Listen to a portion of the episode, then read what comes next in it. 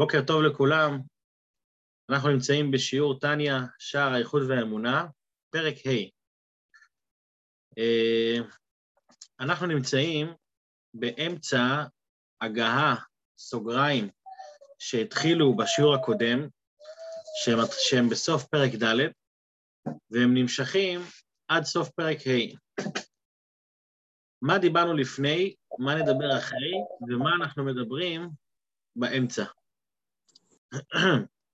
לפני ההגעה הזאת, לפני הסוגריים, אנחנו דיברנו על, ה, על הכוח של הגדולה של הקדוש ברוך הוא והגבורה.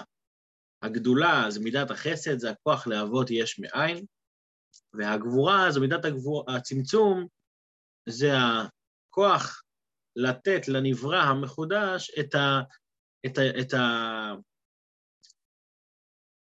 את היכולת לחשוב ולהרגיש שהוא, בנ... שהוא משהו נפרד לפני עצמו. וזה העניין של חסד וגבורה. את העניין הזה, האדמו"ר הזה כן עדיין לא סיים להסביר, כי הוא רוצה גם להסביר איך זה מתבטא בשמות שם הוויה ושם אלוקים, ומה קורה עם החיבור של שם הוויה ושם אלוקים. את זה אנחנו נמשיך בפרק ו'. בתור מאמר המוסגר, בתור סוגריים, הוא הביא לנו פה סוגריים שהתחילו באמצע פרק ד' ומסתיימות בפרק ה', שהמטרה של הסוגריים האלה זה להסביר טוב יותר את המהות של הצמצום הזה, את המהות של ההסתר, שזה לא רק, מידת הגבורה, מידת הגבורה היא לא רק מסתירה על האור, אלא היא מגלה את האור באופן אחר לגמרי. כמו שהזכרנו אתמול, את הבוצינה דקרדוניתא, שזה נר החושך, נר החושך הכוונה היא שזה אור חשוך. לא שזה, לא, לא חושך במובן שלנו שזה הסתר על האור, אלא זה אור אחר ברמה כזאת שזה רמה חשוכה. למה חשוב לנו להבין את הדבר הזה ואת כל הסוגריים האלה וגם את הסוגריים וגם את הפרק של היום? בגלל שבחלק הזה האדמו"ר כן בא לענות בעצם על שלוש שאלות שמתעוררות בעקבות לימוד התניא, החלק הזה של האחדות והאמונה. מהם שלושת השאלות, נגיד אותן בקצרה. השאלה הראשונה, אם אתה אומר לי ששמע ישראל, השם אלוקינו, השם אחד, הוא אחד, אין עוד מלבדו. אז איך יכול להיות שיש מציאות של הרבה הרבה פרטים אחרים? יש עולמות, נבראים, נשמות, מלאכים. איך יש ריבוי באלוקות, הרי אלוקות זה אחד, אז איך יש ריבוי? השאלה השנייה זה אם הכל זה אלוקות, אמרנו שאין עוד מלבדו, אין עוד מציאות בכלל מלבדו, הכל זה הוא, אז מה ההבדל בין טוב לבין רע? מה שטוב, גם הטוב הוא אלוקות וגם הרע הוא אלוקות. גם, גם הנבראים הנחותים, גם ה... אין בעצם משמעות לתורה ולמצוות שלי אם אני, אם אני מבין שהכל זה, זה אלוקות. אז גם הפרי הכשר הזה הוא אלוקות, וגם הפרי הלא כשר הזה הוא אלוקות. מה ההבדל בין, בין, בין אחד לשני? אז מה תגיד? אחד רואה והשני לא רואה. אתה לא רואה את הגילוי אלוקות, לכן אסור לך. אז, אז ממילא מגיעה השאלה השלישית, מה יעשה הצדיק? הצדיק רואה, הצדיק חש את האלוקות, אצלו זה, אצלו גילוי אלוקות זה לא משהו, זה לא תיאורטי כמו אצלנו, זה מעשי. אז אולי הוא לא מחויב בתורה ומצוות? מה המשמעות של תורה ומצוות אצל צדיק? אז על שתי השאלות הראשונות די ענינו בשיעור הקודם. מה ענינו? שהריבוי באלוקות, שהרע שיש בעולם, זה חלק מהאמת של העולם. זאת אומרת, זה לא, זה לא רק דמיון, שהרע הוא דמיון ובאמת המציאות האמיתית שלו זה טוב, אלא שהמציאות של רע זה עצמו חלק מהעולם, זה עצמו מידת הגבורה של הקדוש ברוך הוא, שיש מציאות לרע והיא מציאות אמיתית. אז זה בעצם עונה לנו על שתי השאלות, כי הריבוי באלוקות הוא חלק מההגבלה האלוקית, שהנבראים ירגישו את עצמם כמציאות נפרדת, וזה נותן להם את הריבוי. הריבוי הוא מתחיל באלוקות, הוא לא מתחיל באדם, וזה נותן גם משמעות לתורה ומצוות, כי זה שיש איסור או מצווה או, או קדושה וטומאה, זה דברים שהם לא מתחילים רק ב, ב, ב, בכלי כאילו של האדם, אלא זה דברים שהם שמתחילים כבר באורות, ולכן הוא מביא את המשל מאורות וכלים, שהכלי הוא לא רק כלי קיבול האור, אלא הוא כלי שמשפיע על האור, משנה לו את הגוון, כמו שאמרנו את המשל מהמנורה והצלופן, שהאור עצמו משתנה. אז נכון, לא המהות של האור עצמו, אלא האור איכשהו מתפשט, אבל יש פה השפעה על האור עצמו ולא רק על, ה, על הכלים.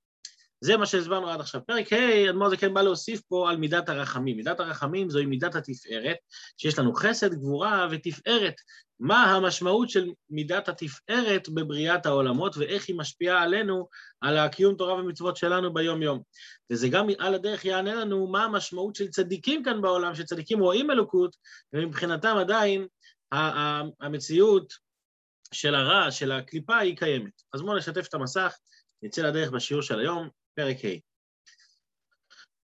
פרק ה', והנה על זה אמרו רבותינו זיכרונם לברכה, בתחילה עלה במחשבה לברוא את העולם במידת הדין, ראה שאין העולם מתקיים, שיתף בו מידת הרחמים, דהיינו התגלות אלוקות על ידי צדיקים ואותות ומופתים שבתורה.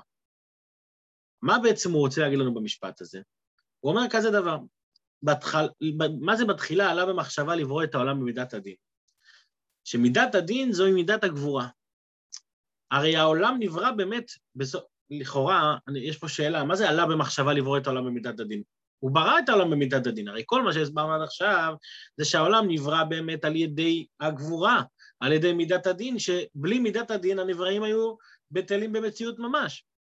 אז מה זאת אומרת שהוא רצה לברוא את, ה, את העולם במידת הדין וראה שהוא לא מתקיים? הרי ככה העולם מתקיים. אלא שאם העולם היה נברא רק מצד מידת הדין, אז אין העולם מתקיים, הכוונה היא שהנבראים שה, בסופו של דבר, המטרה שלהם זה לא להישאר בהגבלה שלהם. המטרה שלהם זה לצאת ממציאותם ולעלות כלפי מעלה, לבטל את המ... זה, זה הרי בעצם כל המטרה של היש, של הנברא הגשמי, זה של להפוך, אלוקים ברא יש מאין. הוא רוצה שאנחנו ניקח את היש הזה ונהפוך אותו חזרה לעין, שאנחנו נעשה אה, אה, עין מיש. אז אם אנחנו רק נחיה את מידת הדין, את מידת הגבורה, אז אנחנו נחוש רק מציאות נפרדת. המטרה היא שה, שהבן אדם יחוש את המציאות האלוקית גם. לכן מה עשה הקדוש ברוך הוא? שיתף בו מידת הרחמים. מה זאת אומרת שהוא שיתף בו מידת הרחמים? שיתף בו מידת הרחמים, זאת אומרת שהוא הטביע בתוכו, בתוך העולם, הטביע את האפשרות שהעולם יכול להתבטל ולהתעלות. תכף נסביר את זה בעוד, בעוד כמה אותיות, אבל בואו נראה את זה רגע שנייה בפנים, שמה זה מידת הרחמים? זה התגלות אלוקות על ידי צדיקים ואותות ומופתים שבתורה. מה קורה כש, כש, כשנעשה נס? כשנעשה נס, אז בן אדם פתאום מרגיש שהטבע הוא לא מציאות אמיתית. הנס הוא כמו תזכורת בשבילי, כדי שאני אדע שבאמת העולם הזה מחודש כל רגע ורגע מחדש. אין לו באמת מציאות אמיתית. ועובדה, שאתה רואה שאפשר ב, על ידי מופת מסוים, אפשר לשנות את הטבע הזה, כי הוא לא באמת, אין לו באמת מציאות אמיתית. אבל לכאורה, איפה, איפה מופיע פה השיתוף של מידת הרחמים במידת הדין? הרי נס זה דבר שקורה ברגע זה עכשיו, ולמה אתה אומר לי שזה חלק מהשיתוף של אלוקים בעולם? אפשר להגיד שהוא ברא את העולם במידת הדין, וכל פעם שצריך לעורר את האדם, אז הוא מכניס בו מידת הרחמים. איפה פה השיתוף? כשאתה מדבר על שותף, שותף זה אחד שהוא פעיל, שהוא נמצא פה בעניין. אז בינתיים, מה שאני רואה בעיניים שלי זה שמידת הדין היא זאת השולטת. מידת הרחמים מגיע בזמנים מסוימים, התגלות אלוקות על ידי צדיקים, זה מגיע פה ושם. אבל איפה זה מתבטא ש, שזה משותף בבריאה? התשובה שאדמו"ר הזה כן עונה, הוא עונה את זה ברמז. איפה הוא עונה את זה? ואותות ומופתים שבתורה. כי גם על זה אפשר לשאול. מה זה אותות ומופתים שבתורה? מה עם אותות ומופתים שלא בתורה? גם מה זה בתורה? תורה שבכתב, תורה שבעל פה? על איזה תורה אתה מדבר? ניסים שהיו כמו קריעת ים סוף? ניסים... אה, ניסים... אה, מה עם הניסים של הבעל שם טוב והניסים של הצדיקים? זה לא נחשב. מה זה אותות ומופתים שבתורה? אדמו"ר זה כן רוצה להדגיש לנו פה ברמז שבתורה עצמה טמון כל הפוטנציאל לאותות ומופתים. זאת אומרת, אלוקים לא עשה, זה שיש אותות ומופתים בעולם, זה לא דבר שהוא לא בתוכנית האלוקית. זאת אומרת, אלוקים שובר את הטבע, זה אומר שעכשיו אין, אין, אין טבע. לא, חלק מהמציאות האלוקית שבעולם, חלק מהבריאה, חלק מהבריאה זה שיש אפשרות לאותות ומופתים. יש אפשרות שהעולם יתבטל וישתנה, וזה נותן לעולם מציאות אחרת לגמרי. אם העולם היה קיים רק מצד מידת הדין, אז באמת אותות ומופתים שוברים את העולם ומגלים פה משהו אחר. אבל המטרה של אלוקים בניסים ובאותות ומופתים זה לגלות שהעולם עצמו טומן בתוכו את הכלי לאלוקות. אולי נסביר את זה על ידי דוגמה שהרבי מבאר במקום אחר, ואולי נבין את זה יותר טוב. ממש בקצרה, לא ניכנס לכל העניין, אבל זו דוגמה, דוגמה מפורסמת. כתוב על, על קריאת ים סוף, כולם אה, יודעים שבבוקר, אחרי קריאת ים סוף, שהים חזר, אז כתוב, וישוב הים לפנות בוקר לאיתנו.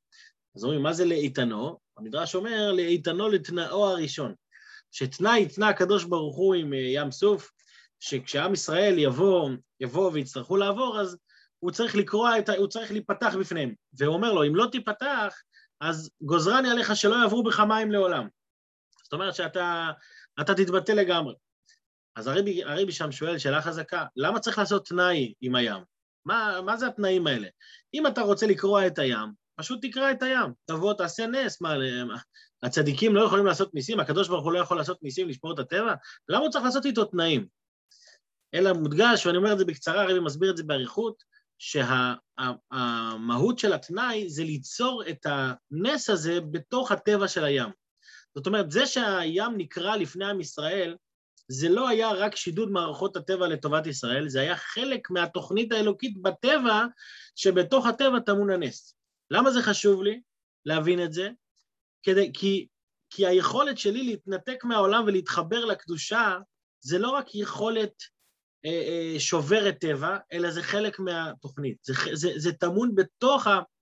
זה שאדם מוגבל, נברא מוגבל כמוני, יכול לעלות לאין סוף, זה חלק מהגדרה, הגדרת התפקיד שלו. זה לא משהו נפרד ממנו. ובגלל שזה חלק מהגדרת התפקיד שלו, אז יש לו את הכוחות להצליח בזה ולעשות את זה. כשאני בא לקיים, אה, לקיים תורה ומצוות, אז הכוח שלי להתחבר לאין סוף על ידי התורה ומצוות, זה כוח שהוא טמון כבר בתוך הבריאה. לא, לא, לא נרחיב בזה יותר מדי, אבל זה הנקודה כאן. הרעיון הוא, אה, לכן, לכן מאוד כן משתמש במילים אותות המופתים שבתורה. ההדגשה שבתורה זה לא על מופתים שקרו בתורה, אלא על המופתים איך שהם חלק מהתורה, איך שהם חלק והם טמונים כבר בתוכנית האלוקית מראש. וזה הביטוי של השיתוף של מידת הרחמים, כי מידת הדין לכשעצמה נותנת את המציאות לנבראים. מידת הרחמים, מידת התפארת, היא אומרת, עכשיו, אחרי שמידת הדין התגלתה, זאת אומרת, אפשר להסתכל על מידת התפארת, בזה אני אסיים, אבל אני מרגיש שאני קצת חופר, אבל בסדר, בזה אני אסיים. אפשר להסתכל על מידת התפארת ולהגיד, תפארת היא כאילו מתגברת על הגבורה, מבטלת אותה ומחזירה אותנו למצב הראשון של החסד, שנרגיש את החסד. אז בשביל זה לא צריך תפארת, בשביל זה מספיק לבטל את מידת הדין ולהשאיר את החסד. תפארת באה אחרי חסד ואחרי גבורה, אחרי שיש הגבלה, וכחלק מההגבלה האלוקית, היא נמצאת שם כפוטנציאל לתת לבן אדם את הכוח להתעלות. זה, זה בגדול המשמעות של תפארת, ולכן תפארת כתוב שהיא חיבור של חסד וגבורה. מה זאת אומרת זה חיבור של חסד וגבורה? מצד אחד יש לה את ה... זה דיברנו גם אה, בפרק ג' בזמנו, שיש לה את היכולת לחבר את מידת הדין, את ההגבלה, ויש לה את ה... ואת האינסוף של, ה... של החסד, של היש מאין. והיא עושה את זה כשהיא נמצאת כחלק מהעולם, כחלק מההגבלות של העולם, ועם זה הגילוי אלוקות שבעולם. אוקיי, זה הנקודה כאן. והנה אני ממשיך לקרוא בפנים עמוד פ'. וכאן אדמו"ר הזה כן מתחיל להשתמש במושגים מעולם הקבלה, כמובן אנחנו לא, לא, מן הסתם לא נבין את הכל, אבל אדמו"ר הזה כן בעצם רוצה להסביר לנו פה את הנושא הזה של מהי מידת התפארת ומה הרמה של גילוי אלוקות בעולם על ידי צדיקים ואותות ומופתים, ועל דרך זה הוא גם יבאר לנו את העניין של, של השגות הנבואה של הנביאים והדרגות של ההשגה, כדי שזה ייתן לנו הבנה ב, ב, בהשתלשלות והחיבור בין העולמות הרוחניים לעולמות הגשמיים. והנה, אני קורא בפנים, והנה על זה אמרו בזוהר, דלעילא בסיטרא דקדושה, למעלה בצד הקדושה, קדושה הילאה, אית ימינה ואית שמאלה. יש ימין ויש שמאל, דהיינו, חסד וגבורה. פירוש, דשתיהן, גם החסד וגם הגבורה, הן מידות אלוקות, למעלה משכל הנבראים והשגתם. כמו שכבר הסברנו בשיעורים הקודמים, דאי הוא וגרמו אחד בעולם האצילות.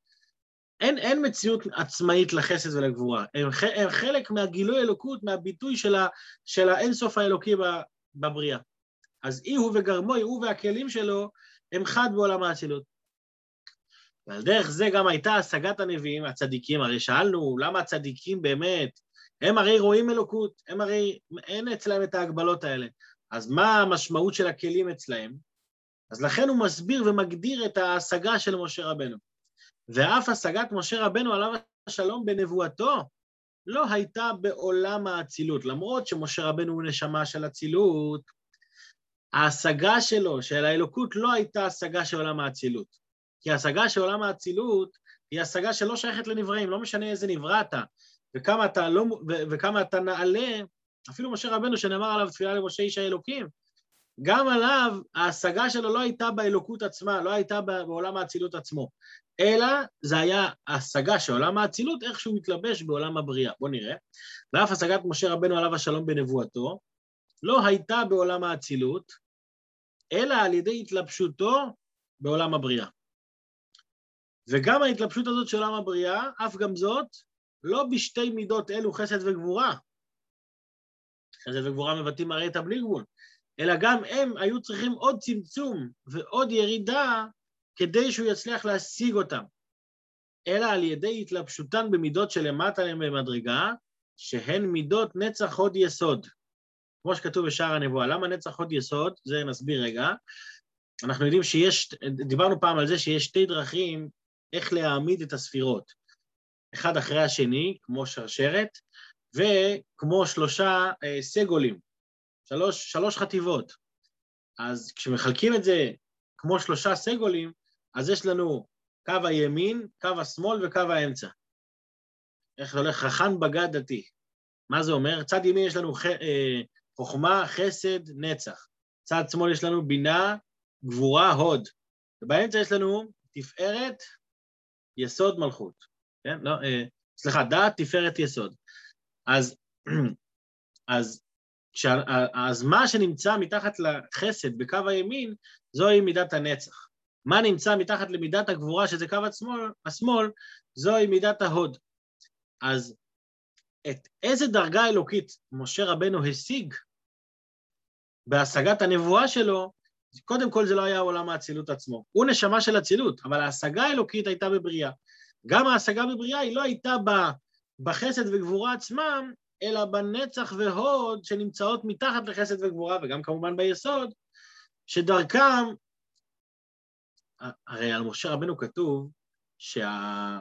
במ... אה, אה, לא כן עבדי משה, במראה אליו, במראה אליו אתוודה, אה, פה אל פה אדבר בו. זאת אומרת, הגילוי הכי גבוה היה למשה רבנו, וגם פה אדמו"ר כן מסביר שהגילוי הכי גבוה הזה, זה לא, היית, זה לא היה האלוקות איך שהיא לעצמה, אלא זה עדיין היה איך שזה מתלבש בנצח ועוד של עולם הבריאה.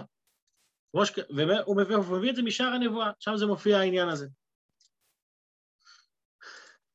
אז מה ההבדל בין משה רבנו לשאר הצדיקים? רק שמתן שכרם, אני ממשיך פה לקרוא בפנים, רק שמתן שכרם של צדיקים בגן עדן הוא השגת התפשטות החיות ואור הנמשך משתי מידות אלו, חסד וגבורה. הרי גם, גם הנשמות של הצדיקים בגן עדן, יש, יש לנו כמה, נגיד, נגיד אולי נקודה בעל פה, ואז נבין את זה יותר טוב. יש כמה רמות של השגת אלוקות. יש רמה של השגת אלוקות, שזה אנשים שנמצאים בעולם. נמצאים בעולם, לא חשים את האלוקות. ניקח כדוגמה את, קריאת, את קריאת ים סוף. קריאת ים סוף היה נס אדיר, גילוי אלוקות, נס. רק לא כולם חשו את הגילוי אלוקות שבנס. למשל, אומות העולם, כשהם ראו, איך כתוב, חיל אחז, יושבי פלשת, שזה כולם, כולם נבהלו. אבל ממה הם נבהלו? הם נבהלו מאיזושהי תופעה שקרתה שהם לא ידעו להסביר אותה. הם ראו קריאת ים סוף, הם לא הבינו מה זה, לא היה להם שם השגת אלוקות, אבל היה להם פחד שנפל עליהם, בעקבות המחזה הלא לא שגרתי ולא מוסבר שהם ראו. הם לא השיגו את האלוקות שבזה, הם רק השיגו שיש פה משהו לא מובן. עם ישראל, לעומת זאת, מה הוא ראה בקריאת ים סוף? עם ישראל בקריאת ים סוף ראה זה כלי וענווהו. הם ראו אלוקות. אז זה דרגה שנייה. אבל עדיין, האם הם יכולים להסביר את האלוקות הזאת? לא בטוח. למה? כי הם לא, הם לא התאחדו עם האלוקות שם, הם רק ראו את הגילוי אלוקות הזה. אבל השגת המהות לא הייתה להם. וזה הייחודיות של משה רבנו, שמשה רבנו יש לו השגת המהות. גם זה לא ברמה הכי גבוהה שלה, אבל ברמה הכי גבוהה שיכולה להיות לנברא. אז שלושת הדרגות האלה, להבין אותם, עוזר לנו גם להבין איך, איך בן אדם בעולם, איך יש שלוש דרגות של השגת אלוקות בעולם. דרגה הראשונה זה אנחנו, אנשים רגילים. אנחנו מבינים שיש מידת התפארת, מבינים שיש חסד וגבורה, האם אנחנו חשים את זה? לא, אנחנו לא צדיקים, אנחנו אנשים רגילים, לא חשים את, ה, את החיבור של חסד וגבורה והתפארת, אז אנחנו רק כמו, כמו הגויים בקריאת ים סוף כביכול, שחיל אחז ושווה פלשת. אין לנו שום, אה, אין לנו השגה, אבל אנחנו מבינים שיש פה משהו גדול. הדרגה השנייה זה ה, ה, הצדיקים. הצדיקים, הם כבר רואים את האלוקות, אבל עדיין זה, זה לא אומר שהבריאה נעלמת מהם, לא, הם עדיין חלק מהבריאה. מעל הצדיקים יש את משה רבנו, שאצלו הגילוי אלוקות הוא ברמה הכי גבוהה שיש. אצלו זה לא רק השגת המציאות של האלוקות, אלא זה, זה הבנת המהות. אז עכשיו נראה שהוא, מתפל... שהוא, שהוא מזכיר פה, אדמו"ר הזה כן, את הצדיקים ואת משה רבנו, אז הוא מדבר פה על הצדיקים איך שהם בגן עדן, זאת אומרת איך שהם נשמות. זה לא איך שאנשים נמצאים פה בעולם באופן רגיל, אלא השגת אלוקות גבוהה יותר. אוקיי, אז בואו נראה את זה שוב פה. רק שמתן שכרם של צדיקים בגן עדן הוא השגת התפשטות החיות ואור הנמשך משתי מידות אלו חסד וגבורה, והוא מזון נשמות הצדיקים שעסקו בתורה לשמה בעולם הזה. מי שזוכר שדיברנו בפרק ל"ט, שה, שהתורה, כשיהודי לומד תורה בעולם הזה, צדיקים בפרט, שהם עסקו בתורה לשמה בעולם הזה, אז זה, שכר מצווה מצווה, זה עצמו נהיה להם הגן עדן שלהם בעולמות הרוחניים. ואיפה זה נמצא? גן עדן העליון באופן כללי נמצא בעולם הבריאה, גן עדן התחתון נמצא בעולם היצירה. אז הצדיקים הגדולים שעבדו את השם באהבה ויראה ולמדו תורה לשמה, אז המזון שלהם, מה, מה, מה בעצם, ה, ממה הם נהנים מזיו השכינה בעולמות העליונים? נהנים ממה שהם השיגו. ומה? ומה זה ההשגה הזאת? זה ההשפעה והאור של מידת החסד והגבורה של עולם הבריאה. לכן זה נקרא מזון נשמות הצדיקים שעסקו בתורה לשמה בעולם הזה. כי מהתפשטות שתי מידות אלו נמתח רקיע על הנשמות שבגן עדן. שוב, זה מושגים שאין לנו באמת הבנה בהם. כן? אנחנו אולי מבינים קצת מה כתוב, אבל זה, כך כתוב כמו שאומרים, כן? זה, איך זה עובד בעולמות העליונים, אז יש רקיע שנמתח על הנשמות שבגן עדן, והרקיע הזה נקרא רזה דאורייתא, זה סוד התורה. ובו סוד כ"ב אותיות התורה הנתונה משתי מידות אלו. כדכתיב, מימינו אש דת למו. מימינו מידת החסד, אש דת, אש זה מידת הגבורה. מימינו אש. אז זה נמצא אצלו. ומרקיע הזה, הרקיע שבעצם כולל בתוכו את החסד והגבורה, נוטף טל למזון הנשמות. משם יורד בעצם החיות לנשמות שנמצאות בגן עדן. דהיינו, מה, מה, מה זה הטל הזה? מה, מה הן משיגות שם? דהיינו ידיעת סוד כ"ב אותיות התורה. כי הרקיע הזה הוא סוד הדעת. והתורה היא מזון הנשמות בגן עדן. אז התורה שהם קיימו ולמדו לשמה, זה בעצם המזון שלהם, זה בעצם האוכל הפנימי שלהם בעולמות העליונים כביכול, מה זה אוכל הפנימי? זה הגילוי האלוקות, מה הם חשים. והמצוות, מה ההבדל בין תורה למצוות? כמו שכבר הסברנו בהרחבה בחלק הקודם של ספר התניא, שהמצוות הן לבושים. המצוות, היות ש... מה ההבדל בין תורה למצוות? שתורה זה חוכמתו של הקדוש ברוך הוא, ומצוות זה רצונו של הקדוש ברוך הוא. המצוות הן כביכול שלב נפרד נוסף, בשונה מהתורה שהוא וחוכמתו אחד. אז התורה שהם לומדים הוא מזון הנשמות, זה, זה גילוי אור הפנימי שהם מקבלים בעולמות העליונים. והמצוות, היות שהם חיצוניים, הם רק לבושים, הם, הם בעצם הלבושים שבתוכם נכנס אותו מזון, המזון של התורה. אז בגלל שהם חיצוניים, אז גם בעולמות העליונים, מה הם נותנים לאדם, לצדיק? הם נותנים לו את הלבושים שלו, את, ה, את החיצוניות שלו. כמובן כל זה בזוהר ויקל, דף ר"ט ור"י ובעץ חיים שם, מ"ד פרק ג'. אז מה התקדמנו פה בפרק ה'? מה הבנו? בפרק ה' הבנו שיש מידת התפארת. מידת התפארת זה ההתגלות של הצדיקים. זה, התג... זה מה שהצדיקים חשים ורואים, וזה חלק עצמו מהבריאה. למה זה חלק עצמו מהבריאה? כדי לתת לאדם את היכולת להשיג את האלוקות בצמצום, בתוך ההלם. אנחנו יודעים שהתכלית של בריאת העולם זה בסופו, בסופו של דבר להפוך את העולם למקום, למקום קדוש. זאת אומרת, זה שהעולם הוא מקום לא קדוש, זה חלק מהתוכנית האלוקית. וזה שיש לו את היכולת להתנתק מה, מהנכותיות שלו, מה, מהחובריות שלו ולעלות לקדושה, זה גם חלק מהתבנית האלוקית אתה לא צריך לחדש משהו חדש, אתה רק צריך לעבוד, וכשאתה עובד את השם, אתה מגלה את האלוקות בבריאה. אז לא כל אחד יכול לגלות כמו צדיקים שעושים אותות ומופתים, אבל הכוח של צדיקים שעושים אותות ומופתים נותנים לנו את הכוח להתייגע ולהצליח להתעלות בעבודת השם שלנו. אז זה כמובן על קצה המזלג, יש גם ביאורים ארוכים של הרבי על, על הפרק הזה, יש עוד הרבה מה להרחיב ולהתבונן, אבל אנחנו, המטרה שלנו זה להבין את המהלך הכללי בגדול, מה קורה פה, ומה שקורה פה זה שיש חיבור של חסד וגבורה, מידת התפארת זה נספח, אבל אנחנו רוצים להבין את החיבור של שם הוויה ושם אלוקים. שיהיה לכולנו בינתיים יום טוב, יום של חיבורים, יום של ניסים, כל אחד ואחד. ובשורות טובות. טוב, תודה רבה, ביי ביי.